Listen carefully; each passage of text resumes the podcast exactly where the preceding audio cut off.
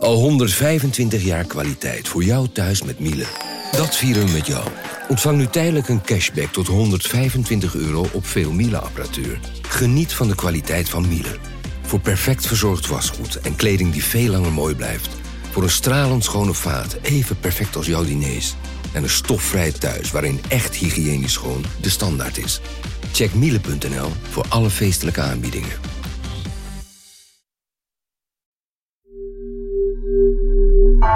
Vanuit standplaats Beijing, de zomer van vandaag. Mijn naam is Gary van Pinksteren.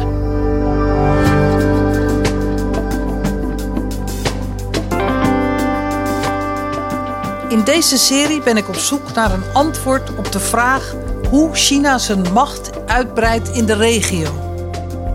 Vandaag Taiwan.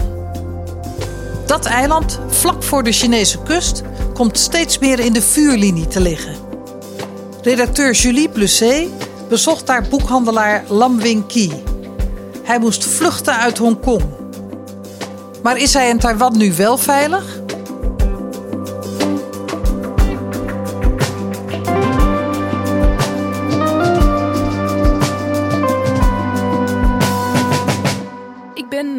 Taiwan geweest. Eh, om precies te zijn eh, ben ik afgereisd naar Taipei, de, de hoofdstad van het eiland Taiwan. Zodra ik uit quarantaine kwam, op de dag zelf, eh, ben ik op reportage gegaan naar een boekwinkel in het centrum van Taipei. En dat was best even zoeken. Het is ergens verscholen in een kantoorgebouw, nogal nondescript gebouw. En dan neem je de lift naar de tiende verdieping. Loop je een lange gang door. en dan aan het eind van de gang een deur ging open en daar vond ik een boekwinkel. Causeway Bay Books heette die. Tumloan Shudian. En deze boekwinkel dat was ook een soort Hongkongse enclave, zou je kunnen zeggen, midden in het centrum van Taipei, midden in Taiwan. Eh, gerund door een Hongkonger ook, Lam Wing Ki, die me daar met heel veel gastvrijheid ontving. Ze Taiwan Chama. Met um, dure Taiwanese thee die hij van bezoekers had gekregen. Hangkoi. Uh, en die mij met heel veel trots rondleidde door zijn winkel. Boetsannaam, Joshua.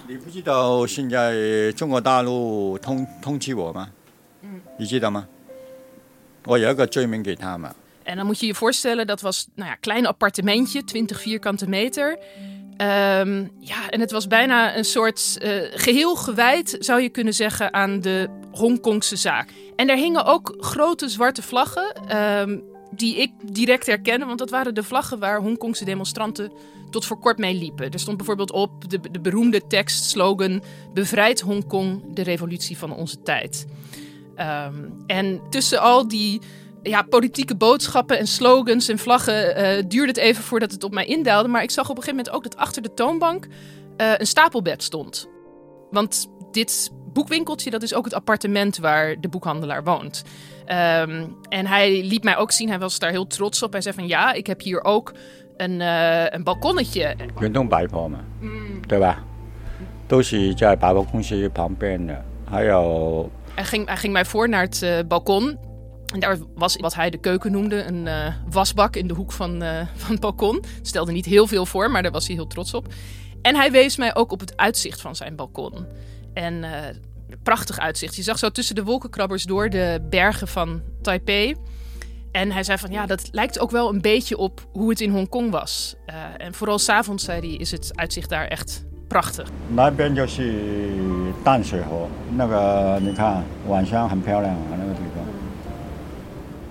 Het is wel heel klein. Hè? Als je denkt 20 vierkante meter, dat is dan dus een, een chockvolle boekwinkel. En ook nog eens een, een, een de plek waar die woont en de plek waar die kennelijk dan ook kookt. Ehm, ik herinner me trouwens wel, nu jij over hem begint te praten. Ik denk dat ik in Hongkong vroeger wel in zijn boekwinkel geweest ben die hij daar had. Toen woonde ik in China. Eh, net als nu. En dan waren er altijd Chinese vrienden van mij die graag eh, zeg maar verboden boeken wilden. Dus boeken die je in China niet kon krijgen. En dan nam ik altijd zo'n stapeltje stiekem mee in mijn koffer. En dan hoopte ik dat ze dat bij de douane niet merkten. Dus ik herinner me dat wel. Ja, nee, dat, dat klopt inderdaad. Want, want dit is dus inderdaad ook. ehm, ja, dit is, dit is die boekwinkel die Lam Wing Ki eerder in Hongkong had. Deze man die is dus eigenlijk. ehm, ja, met boekwinkel en al uit Hongkong vertrokken, gevlucht. En heeft die winkel opnieuw opgestart in Taipei. Maar waarom dacht jij nou op de eerste dag dat ik uit quarantaine kom, ga ik geen uh, Taiwanese noedels eten of iets dergelijks, maar ik ga naar die boekwinkel? Waarom wilde jij daar zo graag naartoe? Ja, nou ja, dat is een hele goede vraag. Ik had, ik had ehm, ik had eigenlijk twee vragen. Ten eerste vroeg ik me af, hoe gaat het met deze man? Want deze man, ik bedoel, ik denk dat dat moeilijk voorstelbaar is misschien voor, voor luisteraars in Nederland. Maar deze man die vormde met zijn boekwinkel echt een symbool voor wat Hongkong nou anders maakt dan de rest van China. Dus ja, voor mij was de grote vraag, hoe ging het met deze man? En ook, hoe keek hij naar de toekomst van Hongkong en de plek waar hij nu woonde, Taiwan? Want uh, dat was eigenlijk mijn tweede vraag. Wat toont het vertrek van deze Hongkonger uh, over de veranderende geopolitieke verhoudingen in Azië. Want lange tijd was Hongkong dé plek in Azië waar een soort breuklijn lag tussen de Chinese macht en die van het Westen. Een voormalige Britse kolonie, hè, Hongkong, die enerzijds Chinees was, maar ook een plek waar de rule of law gold, en wat een, echt een bastion voor de vrijheid van meningsuiting vormde. En nou ja, de afgelopen jaren is Hongkong steeds verder onder controle van Beijing gekomen. En nu kijkt iedereen eigenlijk naar Taiwan. Um, Taiwan, dat is een, een, een, plek die China als een afvallige provincie ziet, maar een, uh, in feite een uh, onafhankelijk bestuurde democratie vormt. Uh, en ik vroeg mij af, hoe veilig is Lam Wing Ki in Taiwan eigenlijk? En hoe veilig is Taiwan zelf eigenlijk? Is dit misschien wel de volgende domino-steen? Is dit de volgende plek die Beijing onder controle wil krijgen? En deze man, deze Lam Wing-ki, heeft dus uit Hongkong moeten vluchten. Maar waarom heeft hij uit Hongkong moeten vluchten? Waarom kon hij daar niet langer blijven? Ja, dan zou je eigenlijk, eh, dan moet je even terug in de tijd. Lam Wing-ki is een man die al uh, vanaf de jaren negentig in Hongkong een boekwinkel uh, heeft, waar dus boeken worden verkocht die in de rest van China verboden zijn. Dat kon lange tijd in Hongkong. Dat werd toegestaan. daar was de ruimte voor. Um, maar zeker na 1997, eh, na het moment dat Hongkong geen Britse kolonie meer was, maar uh, onder China viel, uh, werd die ruimte voor hem om die uh, winkel te hebben steeds verder beperkt. Since October, there have been a series of disappearances in Hong Kong. Five employees of a store that sells books critical of the Chinese government. In 2015 was het zelfs zo dat de winkel gesloten moest worden omdat iedereen die in die winkel werkte, Lam en zijn vier collega's, één voor één werden verdwenen. Zoals uh, mensen dat dan in China noemen. Werden verdwenen. Ik denk niet dat iedereen meteen snapt wat je dat bedoelt. Ja, dat is, nou ja, jij zal die term heel goed kennen. Um, werden verdwenen, dat is een vrij omineuze term, zullen we maar zeggen. Um, dat wil zeggen dat ja, van de ene op de andere dag mensen verdwijnen en ze weten niet waar ze zijn. Er kan geen contact mee uh, worden opgenomen. En uh, men kan dan wel raden, zeker uh, in dit geval, dat de Chinese overheid erachter zit. In dit geval was het zo dat Lam verdween tijdens een bezoek aan zijn uh, vriendin in de Chinese stad Shenzhen. Dat is vlak over de grens van Hongkong. En um, het opmerkelijke is, de meeste mensen als ze verdwijnen, nou ja, dan zijn ze lange tijd weg. Eh, in, het, in het positieve geval, dan op een gegeven moment duiken ze weer op. En dan vraag je, goh, waar was je? En dan zeggen ze, nou ja, ik was gewoon een tijdje weg. En uh, laten we het er niet te veel meer over hebben.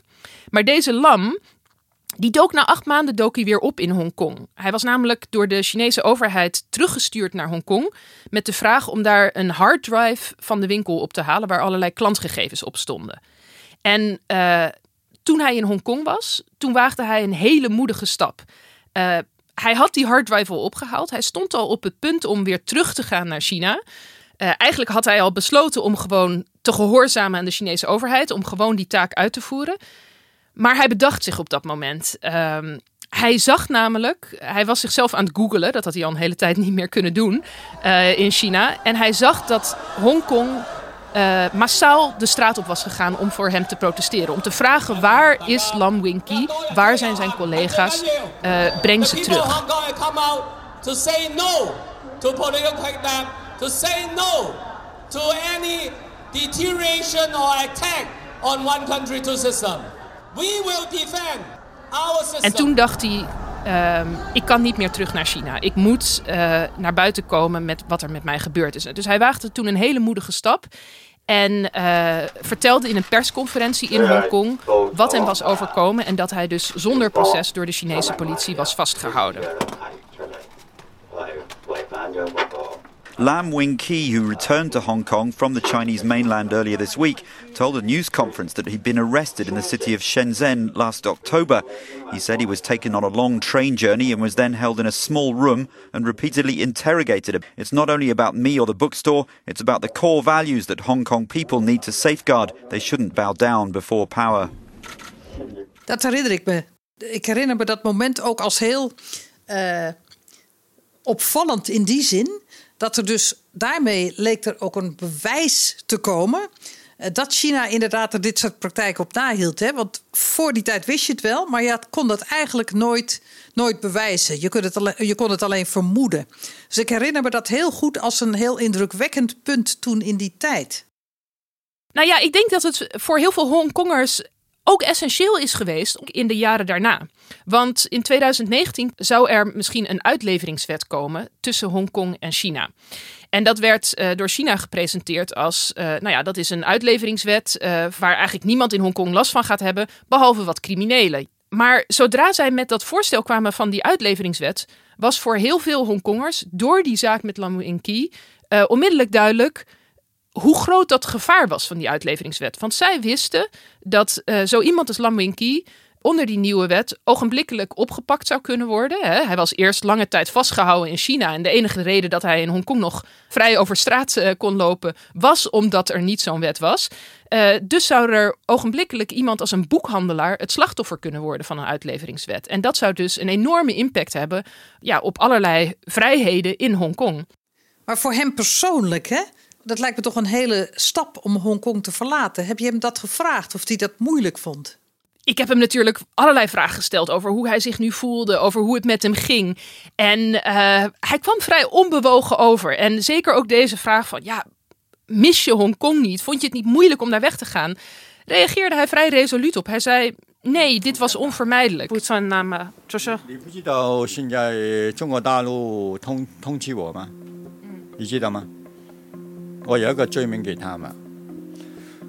er is eigenlijk geen hoop meer voor Hongkong. Hij zegt: Hongkong wordt een stad als iedere Chinese stad. En wat voor zin heeft het dan voor hem om in die stad te blijven?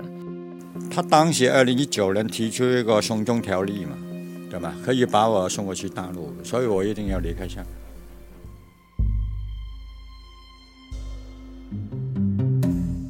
Lam Wing is al in 2019 gearriveerd in Taiwan, geloof ik.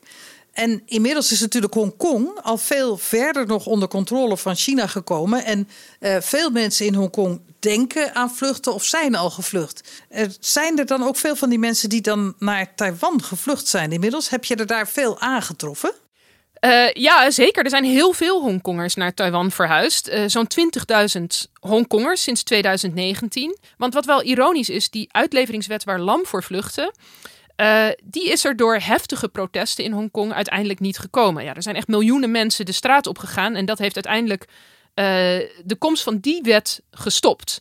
Maar um, uiteindelijk is er op uh, 30 juni uh, 2020 een wet aangenomen die de vrijheid in Hongkong eigenlijk veel verder aantast dan die uitleveringswet ooit zou doen. En dat is de Nationale Veiligheidswet. China's controversial national security law is in full effect, and critics say it is going to allow Beijing to crack down on Hong Kong in the wake of last year's pro-democracy uh, protests. In fact, just last night. Dat is een, een wet die onder andere uh, dus oproepen tot de onafhankelijkheid van Hongkong, uh, verbiedt. En het is een, een, een wet die ja, je zou kunnen zeggen vrij vaag is. Die uh, allerlei zaken als terreur, heulen met buitenlandse machten verbiedt. En die dus ook heel veel kan omvatten.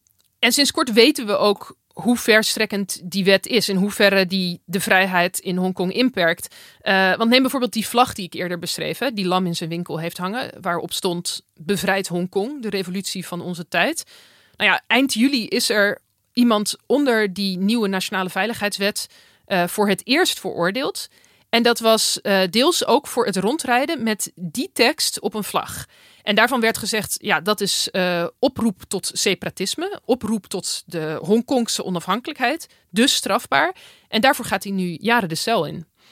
En je kan je dus wel indenken als, als zelfs met zo'n vlag rondlopen in Hongkong, of bijvoorbeeld zo'n tekst op Facebook plaatsen, hè, als zelfs dat uh, strafbaar is, dan is er dus een veel grotere groep Hongkongers uh, die gevaar loopt in Hongkong. En dat zie je dus ook weerspiegeld eigenlijk aan de mensen die nu naar Taiwan gevlucht zijn vanuit Hongkong.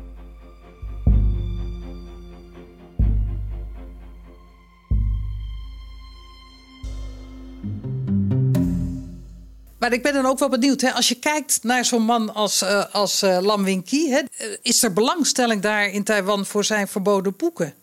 Of heeft hij nu ja, de missie van zijn winkel ook een beetje moeten aanpassen? Ja, je kan wel zeggen dat hij inderdaad een, een, een nieuwe missie heeft nu met deze winkel. het gaat nu veel meer over het waarschuwen van andere Taiwanese. Van nou ja, het, het, het dreigende gevaar van China, zoals hij het zelf dan zou, zou benoemen. Ehm, en hij vindt dat men in Taiwan eh, die dreiging veel serieuzer moet nemen.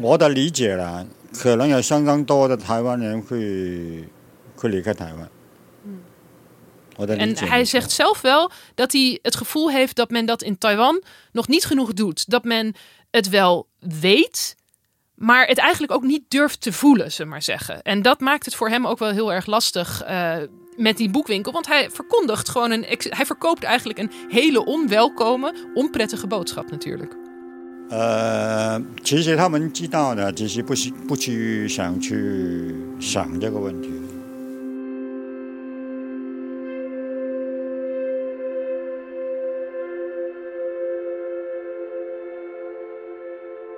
uh ik kan me wel voorstellen ook dat hij dat zo voelt. Want ik herinner me ook wel van uh, vroeger in Taiwan dat mensen inderdaad dat ze toch aanvankelijk behoorlijk onbekommerd leken over de dreiging die er van China uitging. Denk jij dat het klopt dat inderdaad de Taiwanese de dreiging van China op dit moment nog steeds onderschatten? Nou ja, ik denk wel dat wat er nu gebeurd is in Hongkong, uh, dat heeft Taiwanese nog veel meer aan het denken gezet. Uh, om toch even een stapje achteruit te doen. Hè. Kijk, de Chinese overheid heeft het uh, lang gehad uh, over Hongkong en Taiwan in eigenlijk dezelfde termen. Dus voor beide geldt het idee van één land, twee systemen. Dus, dus nou ja, Hongkong, Taiwan, China, dat is allemaal één land, China. Ze kennen alleen twee politieke systemen. En dat leek lange tijd een acceptabel principe. Maar wat er nu in Hongkong gebeurt, dat zet dat totaal op losse schroeven. Want daar blijkt gewoon te gelden één land, één systeem. Ja, dat één land, twee systemen, daarvan zegt China dus dat geldt uh, zowel voor Hongkong als Taiwan. Is dat inderdaad hetzelfde? Zitten Hongkong en Taiwan wat dat betreft in precies dezelfde situatie? Kijk, Hongkong in 1997 is dat door de uh, Britten overgedragen aan China. Met dit gewoon de afspraak over 50 jaar is Hongkong een stad uh, als alle andere steden in China dan hoort het volledig tot China. Zo'n overeenkomst die is er nooit geweest tussen uh, Taiwan en China. Uh, er is een algemeen idee geweest van, goh, misschien ooit hereniging, maar daar is geen enkele afspraak over. En wat natuurlijk ook iets is waar Lam dan op wijst. Hij zegt, ja, Taiwan heeft een leger. Taiwan kan voor zichzelf opkomen. Die hebben ook de steun van Amerika achter zich. Amerika heeft al decennia het beleid dat de situatie zoals die nu is eigenlijk zo moet blijven. Dus ze hebben gezegd: als China Taiwan met geweld gaat aanvallen, dan, uh, dan zullen wij ingrijpen. Maar de vraag is natuurlijk ook: je hebt misschien wel een militaire macht, maar um, als er daadwerkelijk een oorlog gaat komen, ben je dan als land inderdaad bereid om tot het uiterste te gaan om uh, je eigen onafhankelijkheid te behouden?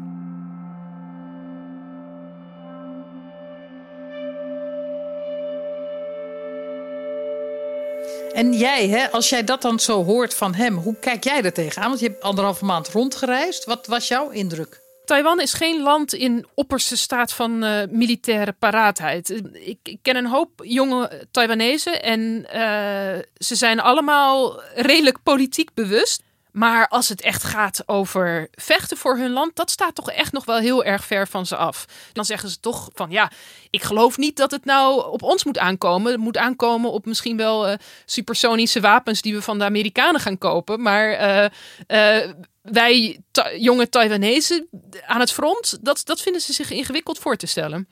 En dan ben ik eigenlijk ook wel benieuwd, hoe zit het aan de andere kant van de straat van Taiwan? Hoe zit het in China? Denk je dat China bereid is om die oorlog te voeren en Taiwan bij zich in te lijven? En of uh, ja, de Chinezen ook bereid zijn om hiervoor te vechten?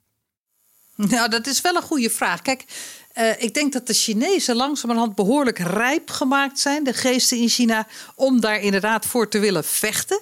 Ik denk alleen dat de Chinese overheid daar eigenlijk niet helemaal op uit is. Ik denk dat de Chinese overheid wel dreigt met de inname militair van Taiwan, ook om de druk op de ketel te houden. Maar dat ze er uiteindelijk op hopen en op inzetten dat ze op andere manieren druk op Taiwan kunnen zetten, zodat Taiwan bijna geen andere mogelijkheid heeft dan uiteindelijk de dominantie van China accepteren. En daarbij heeft China als belangrijkste drukmiddel, denk ik, de economische drukmiddelen. En China gebruikt die economische druk ook om politieke druk te leggen. En zal dus proberen om daar een regering aan het bewind te krijgen die bereid is om misschien uiteindelijk zelfs een vorm van één land, twee systemen te accepteren, waarbij China de dominante speler is. Hoe zit dat eigenlijk voor de rest van Azië? Is het zo dat als, nou ja, laten we zeggen, Taiwan op de een of andere manier herenigd is met China, dat dat draaiboek dan ook klaar ligt voor andere landen in Azië? Gaan ze dat dan ook toepassen op, ik weet niet, Singapore, Vietnam, andere Aziatische landen? Je had het in het begin over een breuklijn. Hè? De breuklijn die er lag tussen China en Hongkong. Die is opgeschoven. Hongkong is binnen de Chinese invloedssfeer gekomen. Als dat ook gebeurt met Taiwan, dan heb je eigenlijk die cirkel nog weer iets groter gemaakt. Ik denk niet dat het daarmee ophoudt. Ik denk dat het nog verder gaat. Ik denk dat China daar nu ook al mee bezig is om die kring, zeg maar, rondom China steeds groter te maken. En ik ben benieuwd of ik daarin gelijk heb. En ik ben benieuwd hoe dat bijvoorbeeld is in een groot land als Indonesië, waar het ook al veel te maken heeft met Chinese invloed. En daarover gaat de volgende aflevering met Indonesië-correspondent Annemarie Kas.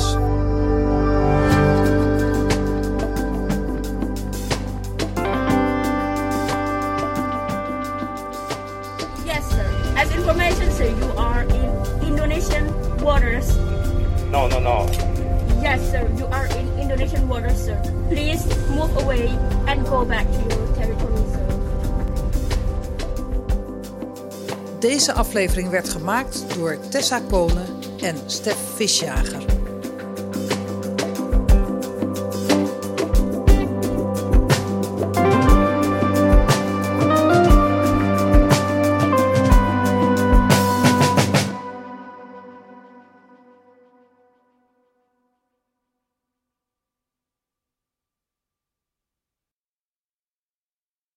Technologie lijkt tegenwoordig het antwoord op iedere uitdaging. Bij PwC zien we dit anders. Als we de potentie van technologie willen benutten, kunnen we niet zonder een menselijk perspectief. Human-led, tech-powered noemen we dat. Ga naar pwc.nl.